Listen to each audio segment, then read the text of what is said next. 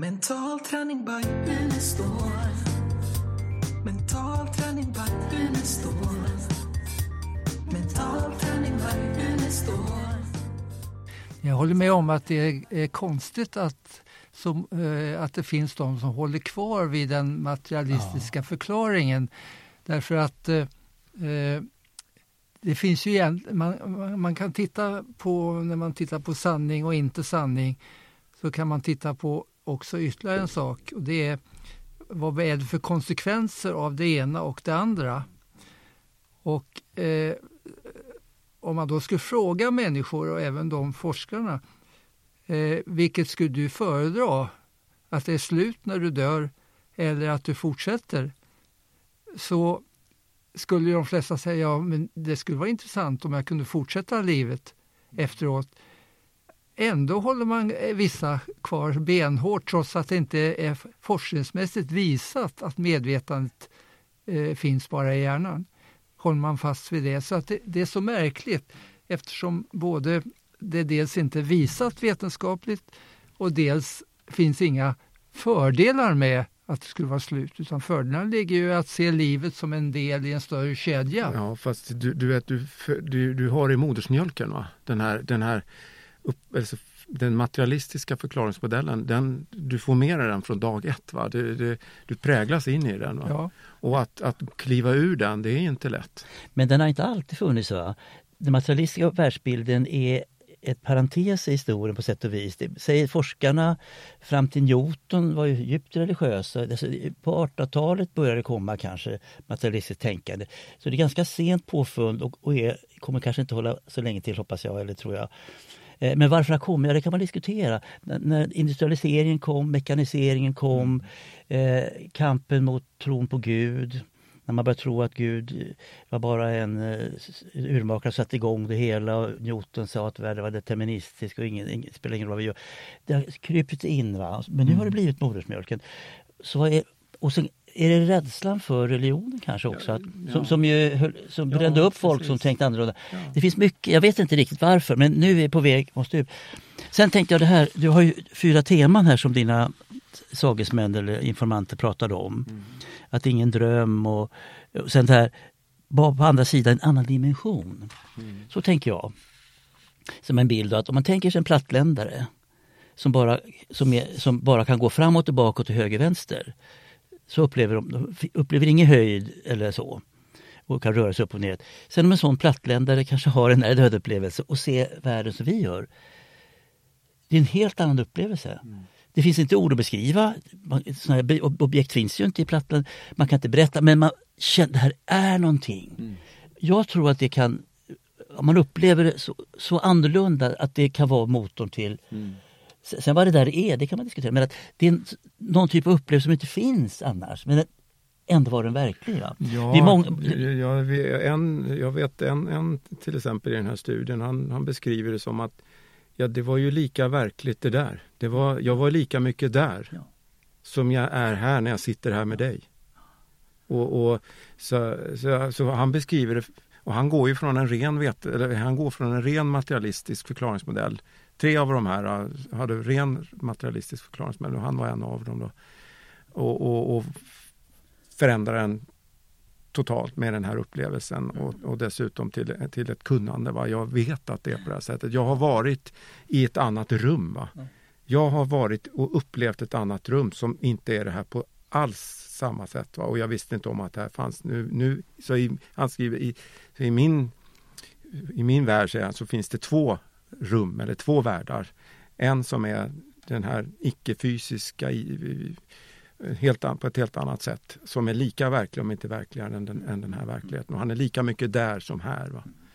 Så, så, så, så här, och det är klart, det skulle ju, det skulle ju förändra min livsåskådning också. Va? Mm. Förstås, på en gång, momentant. Va? Om, jag, om man upplever en sån sak. Jag förstår det fullständigt. Och där är många som säger, som jag läste i studier, speciellt den här Bruce Gation som har gjort en fin studie som ska komma och prata i på Zoom i Sverige förresten. Eh, alltså, more real than real. More real than anything I have seen. Alltså mycket verkligare än det verkliga. Verkligare än det jag känner till. Alltså det måste betyda... För jag menar, om jag har haft en dröm, ja det, det kändes som jag faktiskt var där jag bodde förut. Och så, det var kul att gå där men suddigt och lite så här, va. Det, jag säger inte att det är verkligare än verklighet. Jo, det verkar lite verkligt men det är inte verkligare än verkligheten. Men, alltså, det här är en helt annan upplevelse än dröm. Det, det är något större, det är något mera. Och, och det förändrar deras livsåskådning. Va? Och det är ju liksom unikt i sig. Va? För det är ju inte, jag menar, om vi tar en psykos till exempel eller en vanföreställning eller liknande. Det förändrar inte livsåskådning. Eller, eller ett, ett delirium liknande. Va? Det förändrar inte uppfattning om att det finns en fortsättning efter det här livet. Va? Men den här upplevelsen gör det. Det förändrar. Den, är, den förändrar deras syn på vad det här är. Deras förklaring och vad skapelsen är för någonting. Va? Så, så att jag menar, hjärnan... Det, den digniteten har den. Ja. Så att, det är klart, alltså ska man vara intellektuell och tänka olika möjligheter och så vidare, och så vidare. Men om man verkligen lyssnar och hör det här. Det här går inte in i hjärnan. Det här finns inte. Nej, jag får, alltså, nej, du menar nej, att man får det- inte in det i hjärnan? Ja, det men lyssna med hjärtat. Alltså, Det här är någonting större, någonting mera. Som vi delar av allihopa. Mm. Så, som mer eller mindre och så vidare. Jag, jag vill bara säga någonting eftersom jag var tvungen att berätta att det finns negativa upplevelser så vill jag sätta det i perspektiv. Redan Modi skrev i sin bok, han jämförde med tibetanska dödsboken. Och jag menar, de tibetanska buddhisterna har ju haft kunskaper och medvetande långt, långt, långt före oss i mycket djupare nivåer. Va? Och de vet och visste att när en människa är döende så finns det någon där som hjälper dem att passera en del stadier som kan vara lite stökiga för att komma till ljuset. Så att, att det kan finnas olika stadier beroende på många olika faktorer. Va? Men det här är inte slutet. Utan vägen genom till ljuset jobbar de med. Va? Och det, vi, vi kan ju inte det idag. Nej, jag, jag har läst om sådana här distressed eh, och det, det, det, jag vet är att de börjar på ett väldigt obehagligt sätt men sen Kan det. Så att det finns något där som vi skulle behöva kunna mer om för att kunna vägleda bättre. Men där är vi inte idag riktigt. Va? Men de flesta har de här och det får vi ta med oss. Att, att de flesta har visat på någonting so- som, är, som vi alla vill vara med om så att säga. Nej men det, ja, Hur ser ni på Eh, NDU-forskningen då? Eh, Forskning har ju använt sig av eh, det materiella språket. Eh, Medan eh, och när kvantfysiken kom så blev det plötsligt svårt att beskriva vissa saker med det vanliga språket. Därför stämde inte riktigt och eh, naturlagarna och så vidare. Eh, när det gäller då andra sidan, om man säger det, så eh, jag vill säga också att när det gäller alternativa medvetandeformer så har svårigheten där varit att beskriva det, för man har inte hittat ord Nej. som beskriver det man har upplevt då. Och det har varit inom eh, psykedeliska Mm. världen och inom eh, meditationsvärlden och så vidare. Så har man inte hittat Mm. ord när man sen ska beskriva det. Mm. Eh, det gör väl att det ibland är lite svårt efteråt också att beskriva det hela. Därför att upplevelsen är kanske sån att man inte har ord för Nej. det. nej. Och där, det, var, det var någonting som fångade mig då 1977 när jag läste Modis bok. För dels var det den här alla upplevelserna, det, ja, det stämde med att det kanske finns fler dimensioner. Men en kvinna som sa så här Eh, den här världen har tre dimensioner men inte nästa. Det är fler dimensioner. Det är därför det är så svårt för mig att beskriva det. Jag måste beskriva med, med tredimensionella ord men det, men det stämmer inte. va? För, alltså vi, vi har ju eh, våra objekt i tre dimensioner, så har vi verben när de rör sig. Men om man skulle se ett frö som man stoppar i jorden som kommer upp som en liten planta och så växer, blir en blomma och vissnar. Och man ser det som en enda kropp som hänger ihop i rumtiden som man kan prata om. Där tiden finns så att säga. Vi har inte, vi har inte språk för det. Nej. Och därför, det kan, alltså jag säger inte att det är bevis för det men det antyder att det är många som säger att det finns det språk, och- som du var inne på också. Det kan vara ett tecken på att man ser någonting bortom vår tre, tre dimensioner. För vårt språk är byggt på tre dimensioner. Stämmer. Ja. Så, så att, eh, visst, och många säger det att det är svårt att berätta men ändå för- förmedlar de försöker förmedla på det sättet sina- Nej, det är också genomgående i den här studien att, det, att eh, de återkommer till att gör så gott de kan. Ja. Men de säger så här, jag är, till och med, jag är inte skolad att, jag vet, jag får, jag, så va, jag, jag, jag, kan, jag, kan inte, jag gör så gott jag kan med att berätta den här upplevelsen men, men ändå så räcker det inte till. Ta, min, ta plattländaren igen. Om en plattländare upplevt det som vi upplever och kommer tillbaks till Plattland och ska berätta. Jag har upplevt någonting. Jag försöker peka, det går inte att peka upp och ner. va? Det, jo men, äh, nej. Nej. Nej, Så. Och här har vi väl ytterligare en sak där eh, den här forskningen ni håller på med kan bli en stor hjälp. Och då tänker jag på att eh, eh, när man ska beskriva andra sidan, om man, om man tittar på en sida som varken har rum eller tid och, och är oändlig och inte passar in i vanliga språket, så för att kunna eh, klargöra det eller för att kunna intressera människor så skapar man ju ett språk då där man eh, humaniserar den andra sidan. Den humaniseringen sker då lite olika i olika religioner. Man beskriver andra sidan lite olika i kristendom och islam, även om mycket är gemensamt och så. Den här olikheten ger upphov då till konflikter och krig och elände. Mm. Om man förstod att eh, olikheterna är egentligen bara människans försök att beskriva vad som är på andra sidan, Mm. eh, då skulle man ju inte behöva några konflikter. Och jag brukar säga att eh, var glad för att du har hittat din väg till eh, Gud, om Ja. man nu kallar det Ja, ja. Gud eller energin, genom kristendomen. Mm, mm. var glad för att andra har hittat den genom islam Mm. istället för att man slår ihjäl den andra för att den har en annan sätt. Och det här kan då bli en hjälp här, att man förstår att det är ganska naturligt att man försöker beskriva någonting som man inte kan beskriva med ord, med ord som man då hittar på. Precis. Och där tänker jag, jag håller med dig Lars-Erik, och om man tittar på mystiska grenar inom religionerna. Vi har ju kristen mystik och vi har sufismen inom islam och inom hinduismen. De är ju mycket mer lika. Det mystiska, för där- då går man till djupet och bortom var enkla påståenden och så. så jag håller med dig. Att, och en förhoppning är ju då att det här ska bidra till en djupare världsbild Mm. där saker och ting hänger ihop utan att vi måste... jag, jag, jag vill nog dra ner återigen till att jag menar om jag, jag ser ju en, en värld om, om vi människor förstår att vi alltså att medvetandet inte är fysiskt. Va? Om vi tittar på varandra med de ögonen, med de glasögonen att, att medvetandet är någonting annat. Va? Och det gäller ju alla här. Va? Då, alltså hur, hur, ja, vi kommer förhålla oss på ett helt annat sätt till varandra. Mm. Jag, jag tror det är omöjligt att göra en hel del saker som är möjligt idag, nu. Mm. Först, Mm. Förstår du? Så att, att, att, att vakna med den vetskapen om att nej, men medvetandet är någonting annat. Mm. Va?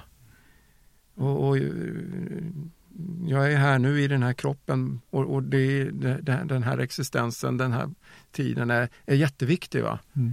Jag vet inte hur, på vilket sätt, eller hur, men det, det, det är viktigt, det finns en mening med det. Mm. Eh, Men sen är det någonting annat. Om vi, om vi, om vi förstår det, då kommer vi ju förhålla oss på ett helt annat sätt. Ja. Alltså. Vi kommer ta ansvar för våra liv förstås och våra handlingar och, och vi kommer att se på varandra med helt andra ögon. 100 procent. Vi är inne i ett nytt paradigm. Alltså. Mm. Precis. Du, du, jag, jag, man drar ner det. Ja, de, nej, jag håller helt med dig. Och som, som sagt, jag började här för rätt länge sedan och det har inte hänt så mycket tycker jag. På, vi- jo, vi har haft eh, föredrag och så. Va? Men när jag läste och såg dig och läste det här att kände jag nu är tiden, kände jag. Att, att, att, att på allvar föra ut det här så att det blir precis som du säger. Att vi, om vi ser det här, om vi förstår vilka, var vi kommer ifrån. Vi behöver inte förstå alla detaljer, det behöver man inte. Men att, att vi är del i någonting större. Och respekt för varandra. Och, konflikter kommer finnas men då har vi en grund att lösa dem på. Mm. Om du och jag tycker olika, okej, ja, då får vi titta på det. Och du har lika mycket stor rätt som jag och så här, hur ska vi... För, då, jag tror att det finns alltså, en kärlek egentligen. Va? För i, då kan vi, man kan ha konflikter i en kärleksrelation också, men då finns den här grunden att hitta lösningar. Va? Det, det, det är ju det. Och där materialismen har splittrat oss. Va? Så, så, och nu behöver vi knyta ihop det och med alla. Idag är det ju... Alltså det, det, det tycks ju som att vi står inför en oerhört skarp... Alltså klimatet är inte många år och krig hit och dit och elände. Att det är rätt bråttom. Mm. Jag tror att dödenupplösningen är en del i att han, hjälpa oss att hantera det. Va? Ja. Och, och, och har vi, du har fått, vi har fått sett det här, vårt ansvar är att försöka för, sprida det så gott vi kan. Mm. Och det tänker vi göra med en kurs till att börja med. Ja, så här, innan jag frågar er om kursen att eh, eh, i, i sista boken så berättar jag att jag brukar ibland få frågan av journalister om eh, frågan Tror du på Gud? Och eh, du vet vad jag brukar svara. Att eh, nej, jag tror inte på Gud eh, för att jag vet att han finns och det behöver man inte tro om man vet. Och då, då kommer ju naturligtvis omedelbart frågan, hur vet du att Gud finns? Och då säger jag, innan vi diskuterar det, om han finns eller inte, eh, så måste vi bestämma hur vi definierar Gud. Mm. Eh, du pratade om han. Mm. Är det någon människa som sitter där uppe? Nej, naturligtvis inte. Ja, vad är Gud då? Mm. Ja, då kommer till sist Ja, Gud är väl antagligen, eftersom Einstein säger att det finns bara energi och materia, så är väl Gud energin då? Och vi är materia. Jaha. Men eh, det kan man väl inte förneka att energin finns, eviga energin? Nej. Om man då kallar det Gud, då vet vi att han finns. Mm.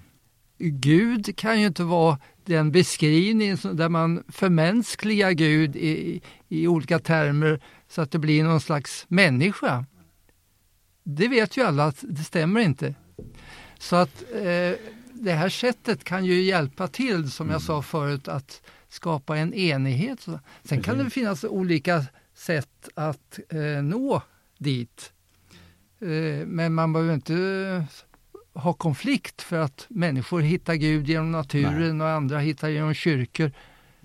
Eh, när det är samma Gud när du säger sådär då minns jag den visaste människa som jag har suttit i samma rum som. Mm. Det var Bede Griffith. En engelsk akademiker som plötsligt gick in i ett kloster och blev benediktinmunk. Sen flyttade han till Indien och levde som indisk munk fast kristen. Det var på ett ställe, de hade alla religionerna där. Men då sa han, han var i Stockholm på mitten på 80-talet, sa att, på engelska då, de olika religionerna är som fingrarna på en hand, de har samma källa. Sen kan man lägga till man ska inte blanda ihop dem för då tappar man greppet. Va? Men de, alla har samma värde och man ska följa sin kultur. Alltså, det är det här som är viktigt, att hitta att det finns en enhet bakom allting. Mm. Mm. Jag kan väl säga så här att jag har nog märkt under de här åren att jag får gärna frågan kring religion och så, och kristendom och så vidare. Och ja, ja, det här är ju, den här forskningen är ju, och det vi pratar om här, det är ju väldigt nära de här frågorna. Alltså jag mm. förstår att det finns ett intresse i det här. Men jag personligen passar mig lite grann för att eh, just när det gäller kyrka, kristendom och så vidare. Va? Eh, och jag, jag, tänk, jag kommer från medicinen. Jag är läkare och jag är forskare och jag är intresserad av hur det här fungerar. Va? Mm. Sen i den här forskningen, under den här resan så har jag fattat att medvetandet inte är fysiskt. Och i det här så fattar jag också att det finns en skapare. Mm. Jag har inte skapat mig själv. Mm. Och jag kan titta på människokroppen, jag kan titta på lungorna, jag kan titta på organen, jag kan se helheten i de här kropparna. Jag förstår att det skapar det här. Va? Mm. Det här är ingen slump det här. Nej. Det, det finns inte. va? Nej. Så att det, det är min egen slutsats i det här. Va? Mm.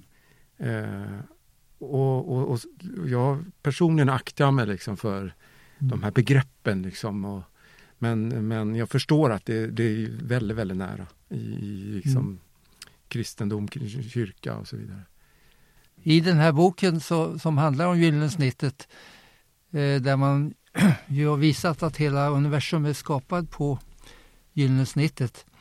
Eh, det gjorde då att, att Einstein eh, sa att det vore löjligt att påstå att, att det inte finns en skapare eh, bakom det hela. Det måste vara någon som har skapat oss och universum. Det finns en tanke, ja. Säger han. Och det är många som, som mm. efter mm. honom och även före honom har sagt samma ja. sak. Så att jag tror att eh, eh, även materialisterna börjar förstå snart att Det är, Absolut. att det är en sanning. Ja, det är. det, det, det, det, jag vet att Pim-Pallomer härleder till flera kvantfysiker som, som, eh, som är, menad på just det att medvetandet kommer först. Va? Ja. Vi, I vår förklaringsmodell så, så menar man på att det är eh, materien som skapar medvetande. Mm. Big Bang och sen är det bara massa slumpår, miljarder och så vidare och till slut så liksom längs slutet på den här resan så bildas det en hjärna och ur den där hjärnan så blir det ett Mm. medvetande. Det är ju den, den traditionella förklaringsmodellen, Mm. materialistiska förklaringsmodellen och de menar på nej, nej, nej, det är tvärtom. Mm. Det krävs ett medvetande för att materia ska existera. Mm. Så Mm. mat- medvetande kommer först. Och det är för mig en tilltalande, det stämmer Absolut. för mig. Alltså. Absolut. Jag, jag fatt, det, det är väldigt tilltalande. Det, det är Mm. så, pusselbitarna faller på plats. Alltså. Ja. Jag kan berätta en liten episod som belyser det där. Jag tror att på 50-talet så var det några forskare som ville visa hur det gick till när de första liv, livs, vad heter det, organiska molekylerna kom till. Mm. Då hade de idé då att när det var ur soppan så var det åskväder. Så, så de tog en liten glaskorv och stoppade in kväve, kol, syre fosfor, oorganiskt material. Mm. Och så hade de blixtat och höll på så en vecka. Va? Mm. Sen när de kom dit efteråt, jo de hittade aminosyror som är livets molekyler. Så gick det till. Jo, så gick det nog till, men du glömmer bort det. Här fanns det människor som hade idéer och tankar som önskade och hoppades att det skulle gå. Det fanns en mental kraft bakom experimentet. Mm.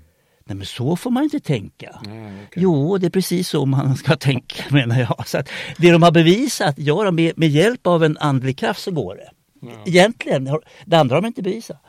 Men det vill de inte se. Alltså det är någon skygglappar. Nej, men, sen, man, man kan ju, man, men det går ju att säga, och det här är ju då en aminosyra och så vidare, men hur blir det sen en cell? Jo, jo, det är nästa steg. Jo, jo, det är det är nästa liksom- Jo, jo, men det, det, alla steg, enormt steg. i alla steg så, så kommer att det går aldrig bort sig från människan. Nej. Eller an, Och, och man kan ju fråga sig också hur, hur, hur den cellen nu, om den nu blir Jo, jo, en cell, jo, hur, det- hur, hela, all, hela den, kedjan. måste, ju- den måste ju komma på hur den blir två under sin livstid, annars så det är faller ju allt det varje steg, varje steg. är så där, så. Men jag, jag, jag tror du, vill- det är fint att höra din egen personliga övertygelse men det, jag tror också klokt att du som forskare när vi gör forskning på det här försöker ta fram fenomenet Mm. i sig. Mm. Så att alla får möta det men, och alla får vad det händer. Men sen kan man, ja, jag, jag tycker du gör en bra balans i det Mm. faktiskt. Mm. Hörrni, eh, eh, jag är säker på att eh, den här diskussionen eh, har varit så intressant för många lyssnare att de gärna skulle vilja ha- veta mera. Kan ni nämna någonting om den kurs som ni kommer att ha för första gången omkring det här området i höst? Och hur, Ja. hur kan man komma med på den? Jo, man kan gå in på, eh, jag har eh, startat upp en hemsida som heter eh, www.merom-ndu.se www.merom alltså bindestreck ndu.se Där finns det lite mer information om den kursen. Och den är på tre dagar. Och den är på en kursgård som är förlagd utanför Varberg som heter Sju sjöar. Eh, och eh, tanken är ju då att eh, den är för sjukvårdspersonal, alla yrkeskategorier i, inom sjukvården. Vi har diskuterat andra yrkeskategorier men vi har liksom valt att nu vända oss till sjukvården. Vi tror att, att kan, kan vi öppna upp för det här med nära döden upplevelser inom sjukvården och att den, de här människorna med de här upplevelserna får existera och adresseras så, så tror vi också att det kommer bli ringa på vattnet och liksom läcka ut i samhället. Att det, men vi, vi börjar där. Så att det, och och det, det är ju alltså, diskutera både en, fenomenet och NDU och vad det är och så vidare. Och jag har föreläsningar och Jan Pilotti och det är samtalsgrupper och så vidare. Ehm, om framförallt hur, hur bemöter vi de här människorna i sjukvården som Ja, har de här upplevelserna. Ja. Vad kan vi förvänta oss? Det blir en första start och sen kanske det blir kurser för Ja, jag, kanske man ska säga så här då Hans, vad säger du om det? Det har vi pratat om. Att hu- huvudinriktningen är på att få personal som jobbar inom sjukvården för att sprida och tanken att på många sjukhus ska det finnas någon som kan mera.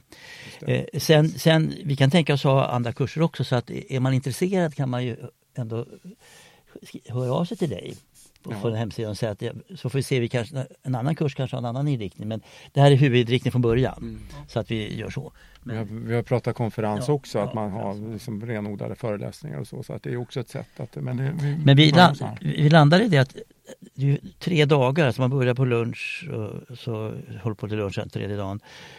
Dels är föreläsningar rent, rent kunskapsmässigt, men eftersom vi tänker att det här är upplevelser som förändrar människor. Nu ska vi inte ha en nära döden-upplevelse när man är där, men vi ska möta så många berättelser och möta varann. Man kanske har med sig berättelser själva. Hur, hur tänker jag och så vidare. Att det ska bli en förändring i oss själva. Mm. Det är, inte, det är inte bara intellektuell kunskap utan för när man ska möta en människa, det gäller ju allt, alla som har haft starka upplevelser. Hur ska jag kunna lyssna? Och det är ju väldigt viktigt att nu är det kanske bättre men fortfarande inte riktigt bra. Förut har man ju viftat bort hallucination eller syrebrist och så. Va? Det är inget bra sätt att lyssna på. Nej, Utan lyssna är förutsättningslöst men ändå finnas där. Och ibland kan det ju vara problem. Alltså, men, eh, dina sagesmän hade väl, kommer inte ihåg riktigt, men ibland har det hänt att de har haft svårt att få ihop det här med sin världsbild. Och kanske i familjen. Mm. Den andra personen tar upp med. Så att man kan behöva stöd och hjälp. I att, nej, för första, du är inte psykiskt sjuk. Det har inget med det att göra. Utan det här är, förekommer rätt van, ganska vanligt. Och det kan, så. så att man hjälper en människa att hantera en sån stark upplevelse. Det är lite Stämmer. mål. Ja, Nu talar du ju om fortsättningen och det, eh, det gäller vanliga människor. Och eh, vi kan väl säga till er som inte är inom sjukvården då att eh, eh, ni kommer att fortsätta och föra ut det här till, även till andra.